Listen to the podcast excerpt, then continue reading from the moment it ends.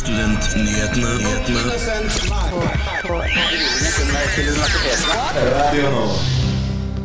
Hei og velkommen til Studentnyhetene på denne nydelige fredagen. Eh, mitt navn er Torunn Festøy, og det er jeg som skal lose dere gjennom den neste timen her på Radio Nova. Men det skal jeg ikke gjøre alene. I dag er vi hele fire personer i studio. Og jeg har med meg Ingrid Karoline Karlsen. Hei, Og, ja, og hei til Sigrun Tårne også. Hei, hei. Og så ikke minst eh, har vi med oss tekniker Carl Magnus Olsen. Og eh, grunnen til at vi er så mange i studio denne fredagen, er at vi tre, i tillegg til vår kjære nyhetsredaktør Selma Bull, vi var på tur. Vi var ute av Schengen. Vi var i, eller på Svalbard før påske. Eh, der møtte vi både studenter og lokale, og hadde selvfølgelig med oss oppsakere. Så denne sendingen blir rett og slett en Svalbard spesial. Studentnyhetene på Svalbard. Svalbard på studentnyhetene. 78 grader nord. Som jobbet i kullgruven. Unis. Studenter, meld dere hvor enn dere er. Det er Longyearbyen! Hvem studerer på Longyearbyen? Kan du melde deg? Og Sigrun og Ingrid, eh, hva er det vi skal høre om i løpet av sendingen i dag? Uh, hvorfor Norge har suverenitet, suverenitet på Svalbard, og når russerne kom dit, er noe vi i Studentnyhetene lurer på. Så Derfor har vi snakka med forsker Tora Hultgren, som gir oss svar. Vi får også høre om verdens nordligste høyere utdanningsinstitutt, og hva man kan studere på Svalbard. Og så finnes det en folkehøyskole, 78 grader nord. Eh, hvordan er det egentlig å ha folkehøyskoleåret sitt i Arktis? Folkebiblioteket på Svalbard er det nordligste i verden, og vi har snakka med biblioteksjef om hvem det er som bruker biblioteket, og hva det egentlig er de tilbyr. På flyplassen hjem så møtte vi Ola Elvestuen fra energi- og miljø miljøkomiteen på Stortinget. Han svarer bl.a. på hvorfor forskning på Svalbard er så viktig. Og vi skal straks komme nærmere inn på disse sakene, men først skal vi høre ukens nyhetsoppdatering.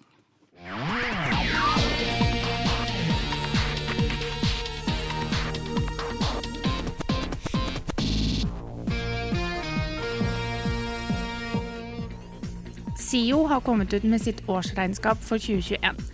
Dette viser et overskudd på 39,9 millioner kroner. Dette skyldes salg av studentboliger i Nydalen. Og selv om man ser bort fra dette, er det fortsatt et overskudd på 4 millioner kroner.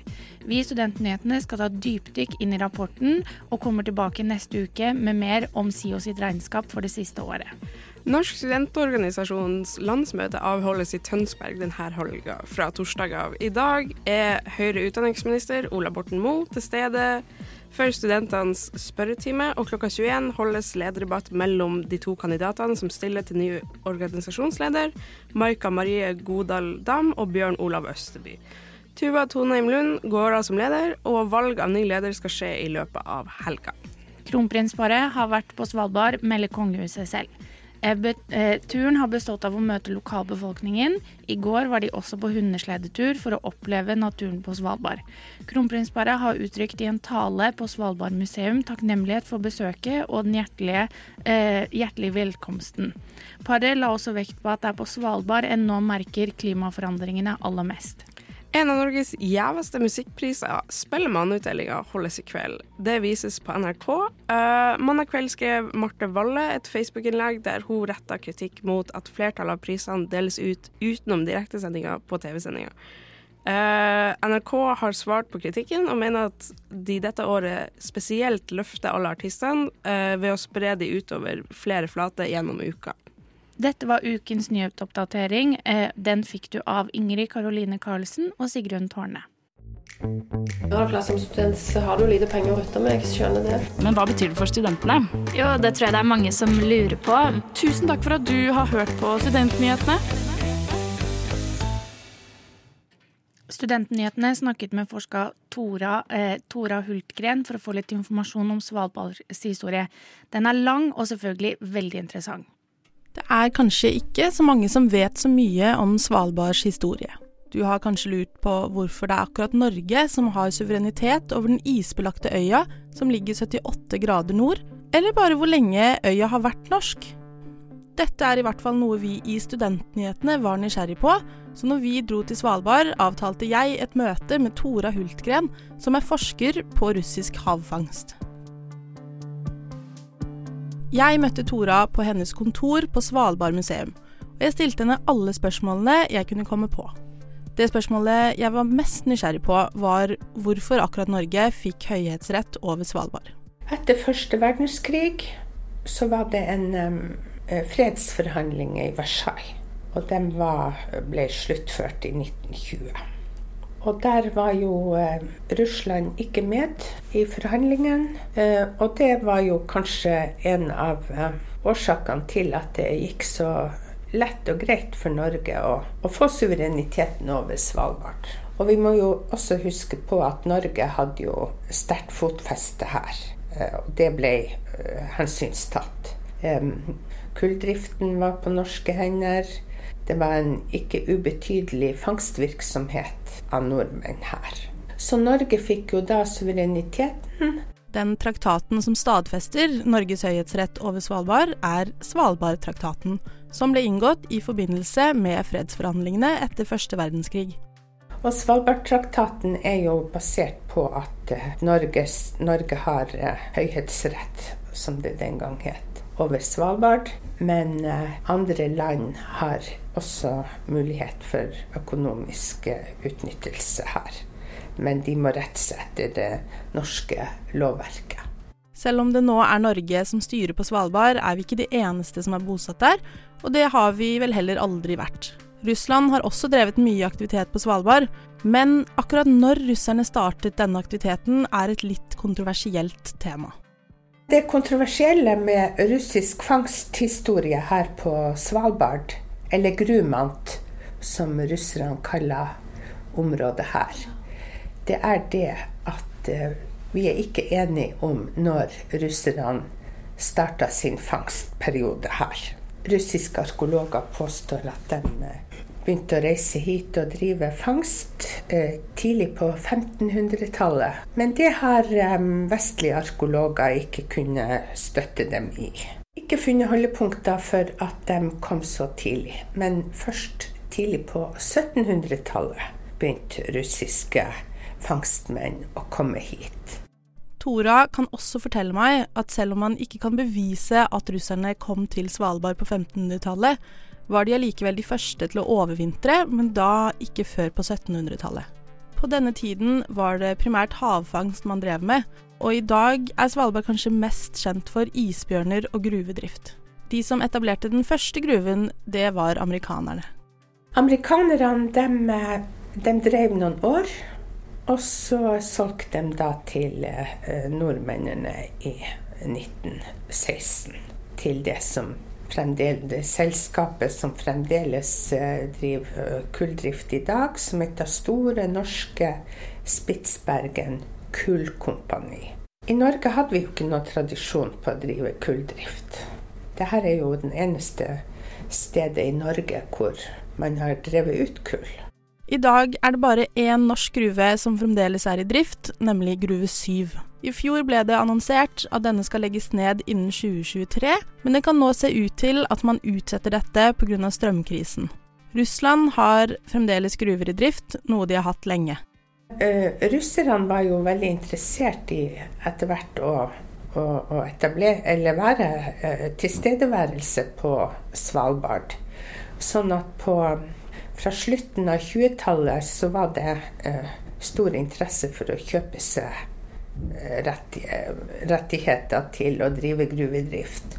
Så i 1932 eh, så kjøpte um, russerne Barentsburg fra et nederlandsk kullselskap. Så da etablerte de kulldrift i Barentsburg, som jo er opprettholdt også i dag. Tora er som sagt forsker på Svalbard museum.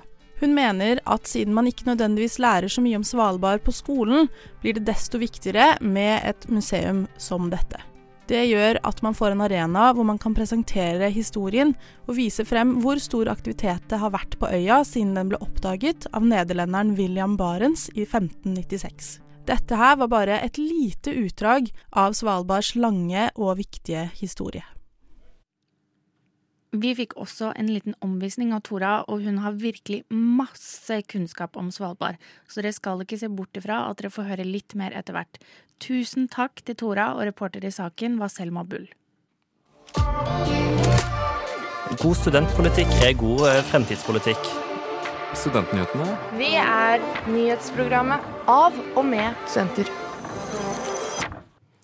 Biblioteket på Svalbard er ganske godt brukt av det spesielle samfunnet i Longyearbyen. Men altså, hvordan er det å være det nordligste eh, biblioteket i verden, og hva er spesielt med biblioteket der? I tolv minusgrader har jeg besøkt biblioteket i Longyearbyen, 78 grader nord. Biblioteket, byens kino og kulturhus ligger i samme bygg, i den travleste gata i sentrum. Det er Norges nordligste folkebibliotek i verdens nordligste by. Det ble pussa opp i 2017, og samme år nominert til Årets bibliotek. Det her er biblioteksjefen. Jeg, jeg heter Lars Holt, og jeg er biblioteksjef i Longyearbyen lokalstyre. Det er kanskje litt forvirrende, men la meg oppklare. Longyearbyen lokalstyre er det som på fastlandet tilsvarer et kommunestyre. Da Svalbard ble en del av Norge i 1925, etter Paristraktaten, som ble undertegna ved avslutningen av første verdenskrig, forkasta Stortinget å gjøre Svalbard til en kommune eller et fylke. De folkevalgte i Oslo mente at Svalbard var for viktig og for prega av et variert internasjonalt miljø til å styres av et lokaldemokrati. Stortinget landa på at verdens nordligste by ble en særegen administrasjon styrt av en sysselmann som ble oppnevnt av kongen selv. Først i 2002 fikk Longyearbyen innført demokrati med 15 folkevalgte lokalstyremedlemmer og en administrasjon til å drive byen, som har drøyt 2000 innbyggere. Lars Holt har vært biblioteksjef i Longyearbyen i ett og et halvt år. Første turen hans til Svalbard noensinne var med flyttelasset sitt. Slik beskriver han hvordan det er å bo her.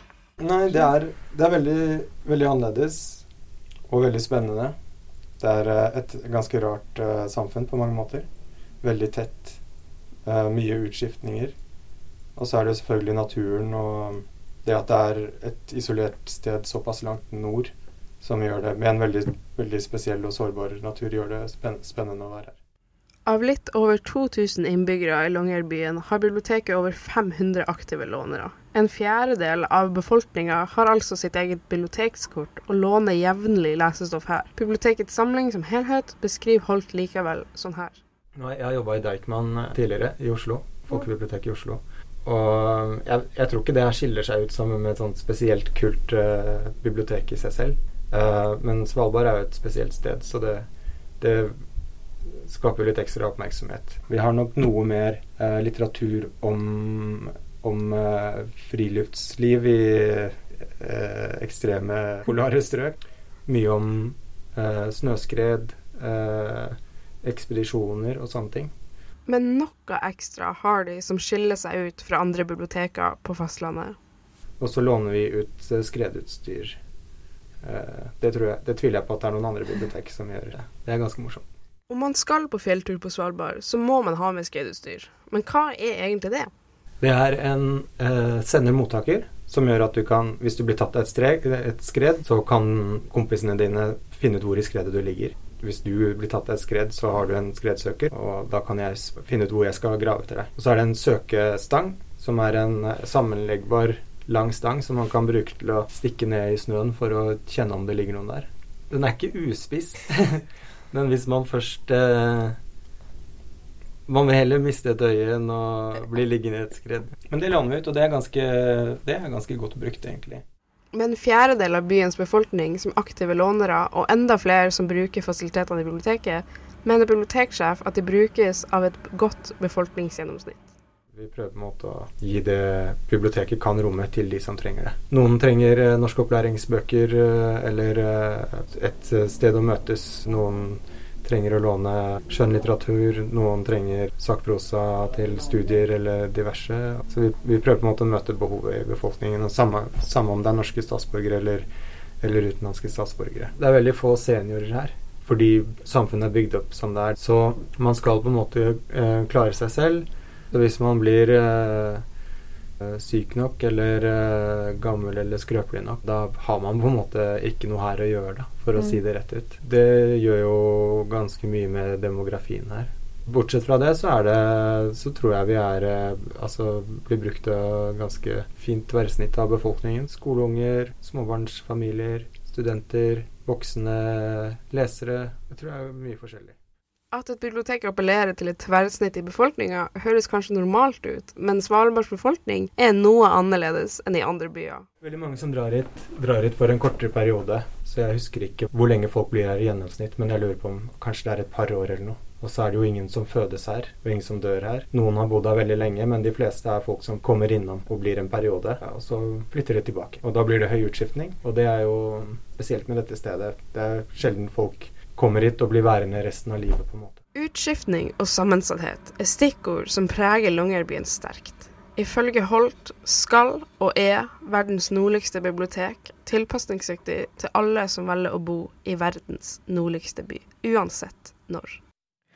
Lars Holt hadde veldig mye interessant å si, også om Longyearbyen som samfunn og kulturen på Svalbard, eh, så her kan jeg tise om at det kanskje kommer litt mer fra han i en senere sending. Takk til Lars Holt. Jeg, Ingrid Karoline Karlsen, var reporter i denne saken. Har dere Senterpartiet glemt studentene når dere skrev deres valgprogram for Oslo? Altså, mulig, men Studentnyhetene. Vi er nyhetsprogrammet av og med Senter. Hver fredag fra 11 til 12 på Radio Nova. Vi dro jo til Svalbard for å sjekke ut studietilbudet og studentlivet der, blant annet. Eh, men hvilket universitet er det egentlig man studerer på, hvis man studerer på Svalbard? Og hva kan man studere der? Nede mot havna i Longyearbyen finner du verdens nordligste høyere utdanningsinstitusjon, The University Center in Svalbard, forkortet til UNIS. Vi tok en prat med direktøren for UNIS, Gøran Moen, for å lære mer om studietilbudet og studentlivet på Svalbard. For hva er egentlig et universitetssenter, og hvordan skiller det seg fra et vanlig universitet? Vi er jo ikke et universitet, vi tilbyr jo ikke et helt studium. Så, men det vi tilbyr, det, det, tilbyr vi i samarbeid med universitetene på fastlandet. Og, og vi tilbyr jo studier innen naturvitenskap og teknologi, så vi har jo der fagområder biologi, geologi, geofysikk og, og teknologi. Og sånn arktisk profil på det. da. Så, og vi tilbyr jo en 100 kurs, forskjellige kurs. Så går man inn på unis.no, så ser man at vi har et ganske godt studietilbud. Og spesielt da mot slutten av bacheloren og, og, og for master og, og ph.d. Det er altså mulig å ta utveksling her i flere naturvitenskapelige fag, og UNIS tilbyr også hele doktorgrader.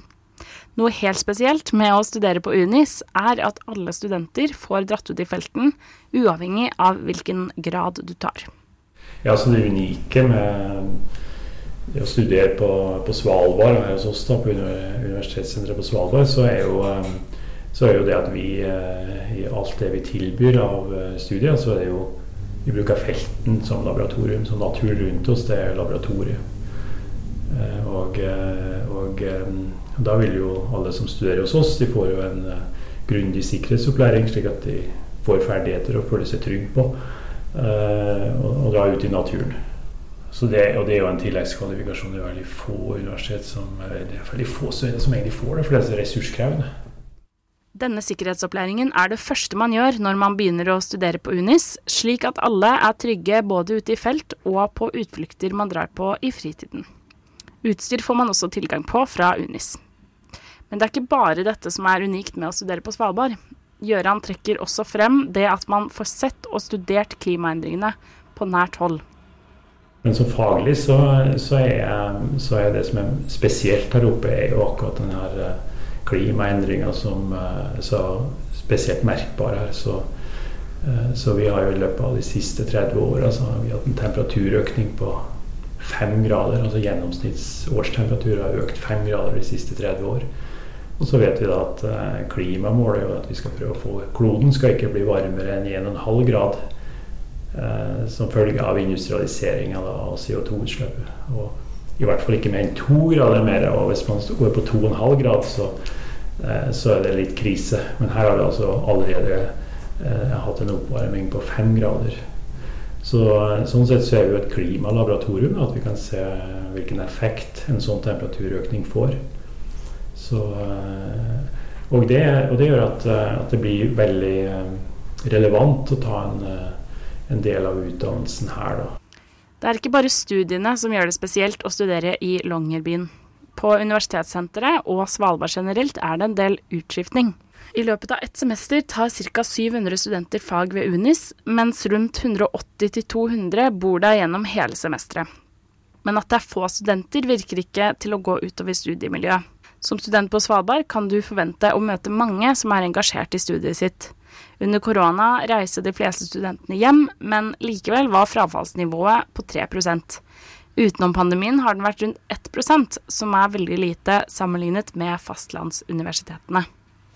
Det sier jo litt om uh, at det er kanskje en spesiell type studenter som kommer, da, at de er motivert. Men jeg tror også det at, uh, at, at, det, at, vi har små altså grupper. altså I klasser på, på 20 gjør at det blir god, godt samarbeid og, og veldig god kultur for for læring. Eh, og vi er også veldig inspirerte forelesere som eh, er spennende for, eh, som studentene verdsetter. Så her er det en stor gnist. Selv om Svalbard er en del av kongeriket Norge, synes jeg å studere her høres like eksotisk ut som å dra på utveksling til utlandet. Man er til og med garantert studentbolig. Og i tillegg er det et stort mangfold av nasjonaliteter på universitetet, både blant ansatte og studenter. Ja, vi får jo, vi Halvparten av våre studenter vi jo, som vi tar, kommer jo fra eh, fastlandsuniversitet. Og den andre halvparten er, kommer fra utlandet. Vi har jo eh, studenter her fra 40 år, 40 nasjoner, typisk normalår. Eh, og det har vi sett eh, med de som har studert her, at de, de trekker veksel på det nettverkene sine også i forhold til det å få seg jobb jeg studerer ikke naturvitenskapelige fag, men jeg skulle nesten ønske at jeg gjorde det, sånn at jeg kunne tatt utveksling på Svalbard. Eh, takk til direktør ved UNIS, Gøran Moen, for intervjuet, og reporter i saken var jeg, Torunn Festøy. Når du som student, så har du lite penger å rutte med. Jeg skjønner det. Men hva betyr det for studentene? Jo, Det tror jeg det er mange som lurer på. Nei, altså Vi skal fortsette å være en tydelig stemme. For studentene i Oslo. Og Akershus. Det er jo ikke alle som merker det. Vi fremmer studentenes interesser. Burde studenter bry seg mer om denne problematikken? Mulig, men Studentpolitikk det har ikke vært en hovedprioritet. Så jeg er veldig glad for at dere er opptatt av det her. God studentpolitikk er god eh, fremtidspolitikk. Det er jo noe mange føler at uh, de går glipp av. Velkommen til deg. Ja, du, nå spør om Peter. Flere studenter venter akkurat nå. Og vi ønsker jo at det skal være sånn. Eh, så vi ønsket å kunne ha det stedet hvor det var mer tilgjengelig for folk. Så vi håper dette her bidrar til å gi alle studentene en trygg og god start på fredagen. Tusen takk for at du har hørt på Studentnyhetene. Vi har jo lært mye om studentmiljøet på Svalbard som omhandler naturvitenskapelige fag. Selv dette så finnes det et sted for oss som ikke er så gode i disse fagene, Svalbard folkehøgskole. Studentnyhetene har snakket med en student fra Svalbard folkehøgskole for å høre om hvordan livet har vært det siste året. Gå til frokost og ha nordlys over deg. På vår tur til Svalbard ønsket vi å vise det som er relevant for studenter. Folkehøyskole er jo noe de aller fleste gjør rett etter videregående. Selv dette sier folkehøyskolene sine egne nettsider at det passer for alle, og at det ikke finnes noen øvrige aldersgrense. Derfor har vi snakket med en elev på Svalbard folkehøyskole. Jeg heter Adriana og går nå et år på Svalbard folkehøgskole ja. på linjen arktisk friluftsliv. Svalbard folkehøgskole har for tiden 65 studenter og 16 ansatte, men er i ferd med å bygge en ny folkehøgskolebygning som vil kunne bosette 125 studenter. Skolen har ti linjer, der en av de er for de som allerede har tatt et år på folkehøgskole fra før. Selv om de er 78 grader nord, tilbyr de også mer kunstneriske linjer, i tillegg til hundekjøring, teknologi og innovasjonslinjer. Um, det er ganske spennende. Det er variert år med mye tid som brukes utendørs i naturen her oppe på Svalbard. Da. Jeg kan tenke meg at det er en god blanding av eh, friluftsliv som man også kan finne på Fastlands-Norge, eh, og unike opplevelser som man kun finner her oppe. Da. Eh, så det er veldig mye forskjellig av aktiviteter, bl.a. ski og hyttetur og scooter og hundekjøring. Og så er det jo folkehøyskolelivet, da. Ja. Det er jo en ganske liten folkehøyskole, så man blir på en måte kjent veldig på tvers av linjer og sånt. Og så er det en del linjer som er nye for året som kommer, men i år så har det også vært foto og kunst, og der er det jo eh, også Det er mer fokus på mindre fokus på friluftsliv, da, men man fortsatt eh, har muligheten til å være ute i Svalbard og oppleve. Så da er det, eh, har de drevet med mange ulike prosjekter, både inne og ute, og det er på en måte litt Man velger litt selv hvor mye du vil ta del i utendørs Svalbard-livet. Adriana forteller slikt om spørsmål på hvorfor hun valgte å ta sitt folkehøyskoleår på Svalbard. Svalbard er på en måte et sted jeg ikke kunne så veldig mye om, og som virka veldig mystisk. Eh, og som er ganske vanskelig å oppleve på, på en autentisk måte. Da. Det er ikke så mange som får sjansen til å bo her oppe et år eller lenger. Svalbard er et unikt sted hvor en kan oppleve svært mye på kun et år. Adriana har én opplevelse hun ikke kommer til å glemme. Allerede sånn i løpet av de første ukene av å ha kommet opp hit, så hadde vi en isbjørn på andre siden av fjorden, ved Hjorthamn. Og det var litt sånn Jeg tror ikke jeg innså der og da hvor nærme byen det var, og hvor Ja, det var jo på en måte Jeg, jeg tror ikke jeg hadde nok informasjon til å skjønne at det er sånn Oi, det her skjer ikke hver dag. Som innflytter kan det være vanskelig å tilpasse seg de ulike normene for livet på Svalbard. Adriana kan selv fortelle hva hun synes det tok lengst tid å tilpasse seg. Jeg føler eh, at det med våpen er ganske sentralt, fordi det er på en måte ganske eh, Din frihet er ganske innskrenket da, med tanke på mobilitet, og du kan ikke bare gå hvor du vil når du vil, eh, siden du må ha eh, våpen for å beskytte deg mot isbjørn. Og så med tanke på skolen, da, så får vi jo låne våpen av skolen, og du må gjennom eh, skytetrening og sånne ting. Og jeg hadde jo aldri tatt et våpen før, og det å på en måte se folk gå rundt i byen med våpen og sånt, var jo veldig fremmed. Tusen hjertelig takk til Adriana, og reporter i saken var meg, eh, Sigrun Tårne. Studentpolitikk det har ikke vært en hovedprioritet. Så jeg er veldig glad for at dere er opptatt av det her. Tusen takk for at du har hørt på Studentnyhetene.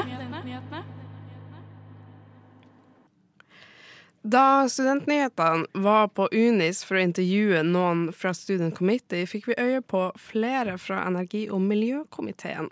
Eh, vi var litt skuffa over at vi ikke fikk tid til et intervju med de der, men da vi venta på flyplassen for å dra hjem, dukka plutselig Ola, Elv Ola Elvestuen, eh, som tidligere Som sitter i eh, stortingskomiteen for Venstre, opp. Vi fikk et lite intervju med han der, eh, og det skal dere få høre på nå. Vi fikk øye på Ola Elvestuen på flyplassen, og fikk stilt han et par spørsmål. Det første Ola fortalte oss, var at han var på Svalbard sammen med energi- og miljøkomiteen på Stortinget. Vi har vært her med, med energi- og miljøkomiteen. Så vi har vært i Ny-Ålesund for å få en orientering der. Og så nå her i, i Longyearbyen. Så dette er Vi er tidlig i perioden, så dette er eh, for at komiteen skal få sette seg inn i bredden i, i temaene her, eh, her på Svalbard. Men det blir veldig mye. Det er jo, det er jo klima og og natur, som er hovedtema. Eh, og også her i Longyearbyen, den energiløsningene som de skal finne. Nå blir det jo det dieselkraftverket, men, men så hvordan skal man gå over i å bli helt fornybar? Energi- og miljøkomiteens arbeidsområde er olje, energi, vassdrag og miljøvern. Utforsking av grønne løsninger på Svalbard er derfor noe som inngår under komiteens mandat. Hvorfor er dette viktig? Det er jo flere ting. Det ene er jo Ny-Ålesund er unik i verden. Liksom, dette er av de viktigste eh, forskningsstedene som finnes i verden. Så det er viktig for oss å være der for det, både for å ha kunnskapen som de har, men også for å forstå betydningen, sånn at det er noe Norge fortsatt eh, satser, satser videre på. Så det er det, det er det, ene. Og så er det å se på Longyearbyen, der å få ned utslippene her. Der det er oppryddingen som også har skjedd i Svean og den kullgruven der. Men så er det også å se hvordan kan vi bruke det å finne løsninger her, så det kan være løsninger andre eh, steder i Arktis som er i samme problemstillingen. At de har eh, sånn lukka energisystemer. Hvordan skal vi få dette til? For dette er jo, Paradokset er jo at det er ingen steder hvor klimaendringene skjer raskere enn her. Det er vel fire ganger så raskt her som, eh, som ellers i verden. Men, men utslipp per innbygger er også ekstremt høyt. Så det å klare å snu det, også disse mindre samfunnene, det er ikke utslippene i seg selv, men det at de ligger også i front på å kutte utslipp, er, har en betydning langt utover det som skjer på Svalbard. Svalbard har en unik plassering med særegen natur, som gjør at man har forskningsmuligheter man ikke finner noe annet sted i verden. Denne forskningen skjer for det meste på universitetssenteret UNIS, og jeg spurte Ola om hvilke tanker han har om arbeidet de gjør der. Det er helt avgjørende. Dette er, som, som jeg sier, det er, dette, dette er, det er viktig for verden. Eh, det er ingen andre steder det er sånn som har en sånn tilgang, så enkel tilgang, til Arktis som det er på Svalbard.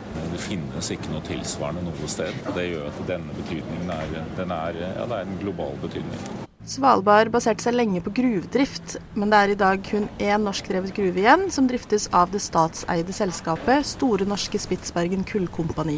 Denne gruven er planlagt å nedlegges i 2023. Ja, med Energiforsyningen her det må også bli nullutslipp. Da er det helt riktig å gå over til dieselkraftverk nå. Det får ned utslippene ganske betydelig med en gang. Men da har du også den, den basen du trenger for å sette i gang med fornybare energiløsninger. Så Gruve 7 er, den, den, har, den, har, hatt sin historie og bør nå legges ned i tråd med de planene som er. Og så vil det være for Store Norske så vil det være vil, det da, vil de da igangsette opprydding og skal jeg sa på meg sånn fra Stortingets side, så burde vi, etter det er gjort, så burde vi, vi også ta kostnaden på den oppryddingen som ikke er gjort ved alle de gamle gruvene i eh, Longyearbyen. Vi trenger å gjøre det samme der som vi nå har gjort i Svea, eh, hvor det er gjennomført en stor opprydning. Nå må det fortsette etter Gruve 7 og så bør det settes i gang. Så oppgaven for Store Norske og for de som jobber med dette, den, eh, den kommer til å vare. Pga. f.eks. strømkrisen og krigen i Ukraina diskuteres det nå å utsette denne nedleggingen. Vi spurte Elvestuen om hva han tenker om det. Jeg ser ingen grunn til å gjøre det. det er, dette er som, eh, det er som eh, tiltak alle andre steder i verden. At vi trenger å gjøre det så raskt som mulig. Og det er ingen grunn til å utsette det. Og til slutt, Ola. Har du noe du vil si til Oslo-studentene? Ja, Det er jo å bruke denne muligheten. Det er jo et, UNIS er jo et samarbeid med universitetene i, i Norge. Så har de muligheten, i hvert fall de som da studerer naturvitenskap, så bruk den. Ellers så har jeg mange ting du trenger å gjennomføre, også i Oslo og i verden, som studentene er eh, helt avgjørende for. Tusen takk til Ola Elvestuen. Reporter i saken var Selma Bull. The Student News, directly from Longyearbyen. Har du på deg rifle, så kommer du ikke inn i butikken. Sånn sett så vinner jo Oslo, da. Ganske mange som skal til Longyearbyen i dag, faktisk. Ut av Schengen. Da vi var på tur, spurte vi de vi snakket med om hva som var det verste og beste med å bo på Svalbard, på vegne av alle dere som kanskje er nysgjerrig på å besøke, bo eller studere der. Eh, og her får du høre hva noen av de svarte. Det verste er det med tanke på sikkerhet og isbjørn. At du har ikke den friheten til å kunne f.eks. ta deg en telttur alene da, og, faktisk være trygg. Det verste er at eh, Longyearbyen er veldig dårlig plassert. Det er veldig dårlige solforhold her. Og vi er liksom i denne smale, smale dalen eh, som blir et slags fengsel når det ikke er snø. Når man ikke kan kjøre skuta vekk herfra. At avstand fra omverdenen føles stor. Det beste er at du har eh, fantastiske turmuligheter rett utenfor døra. Du er på en måte lever midt i naturen. Ja, hva jeg skal svare på det? Altså, jeg er jo glad i vinter. Og eh, jeg syns jo at eh, vinteren her er lang og fin. Eh, siden jeg er nord nordfra, så er jeg jo vant med mørketid. Sånn at den, eh, den plager meg ikke. Den har en fascinerende sjarm. Det beste er jo eh, vil si naturen og de folka, det miljøet. altså Longyearbyen er et fantastisk sted å bo. Det beste er at det er et så spesielt sted. Sånn helt i utkanten av uh, verden, på en måte. Also the nature, like the nature is breathtaking. So you, yeah, I uh, like the total experience is like probably something totally different from what you're used to. Det beste er lyset. I februar, når lyset kommer tilbake. Det er det beste. Og så er det så vakkert. Det er liksom I februar så får du liksom alle graderingene fra liksom helt sånn mørkt, helt mørkt. Og så får du liksom det lilla og det rosa og det gule. Og så ser du på en måte at det kommer krypende lenger og lenger nedover fjellet. Eh, og så når man liksom får den solen i fjeset første gangen, det er så deilig. Fordi man har vært i mørket så lenge. Ja, det var altså hva studenter og andre fastboende på Svalbard liker mest og minst med å bo der. Eh, og musikken var 'Start of Something Beautiful' av Ketza. Eh, nå var jo vi bare et par dager i Longyearbyen, egentlig. Men jeg lurer på hva dere syns var det beste med å være på Svalbard? Ja, jeg syns kanskje det beste var eh, mye humornavn på forskjellige steder. Det er sant. Det var en del av det. Har du noen eksempler? Ja, det er jo da eh, Polet, vinmonopolet deres, heter jo da Nordpolet. Som humor jeg setter pris på. Det er jo en bar som heter Svalbard. Eh, og til mine Og Barentsburg. Og Barentsburg. Ja. Og da til mine fellow dyslektikere. Eh, Svalbard skrives med D på slutten, så de har bare ja. tatt bort D-en. Det tok litt lang tid før jeg skjønte den, eh, den ja. vitsen. Jeg syns det beste var at bare alt var så sykt nært i byen. Og hvis vi skulle intervjue noen, eller skulle på biblioteket eller på butikken, så var det bare fem minutter å gå. Altså, det var noen ganger jeg torde å ta av meg superundertøyet eh, for å gå bare sånn to minutter. Mm. Så det, hele byen er jo bare et lite sentrum i et veldig, veldig vakkert sted der de har egentlig alt de trenger, og alt er god avstand. Mm. Så det var veldig fint. Det er sant. Ja, jeg syns også på en måte hvis man skal si noe annet enn eh, at naturen er det beste, så syns jeg også det er kult at det er på en måte ja, et veldig sånn øde sted Altså du er veldig langt fra alt annet, og det er veldig lite sted, som en liten mm. bygd, egentlig. Eller ja, det er vel strengt tatt en by. Men, eh, men, at eh, det er så mye kult som skjer der, på en måte. Så kule folk som liksom liker å bo der og gjøre kule ting, selv om det er veldig lite og veldig på en måte nisje, kanskje. Um, uh, men nå nærmer vi oss jo faktisk slutten på denne Svalbard-spesialen på Studentnyhetene i dag. Eh, straks er det helg, eh, og vi håper du har lært noe nytt om Svalbard i dag. Kanskje du vurderer å dra dit på en tur, eller ta et par fag der. Eller rett og slett ta et år på folkehøyskole, kanskje. Eh, vi vil i hvert fall si tusen takk for at du hørte på Studentnyhetene i dag. Du kan høre oss igjen på podkast og følge oss på sosiale medier. Der heter vi Studentnyhetene. Eh, mitt navn er Torunn Festøy, og med meg i studio i dag har jeg hatt Ingrid Karoline Karlsen og Sigrun Tårne. Tekniker i dag har vært Carl Magnus Olsen. Eh, da gjenstår det bare å si god helg,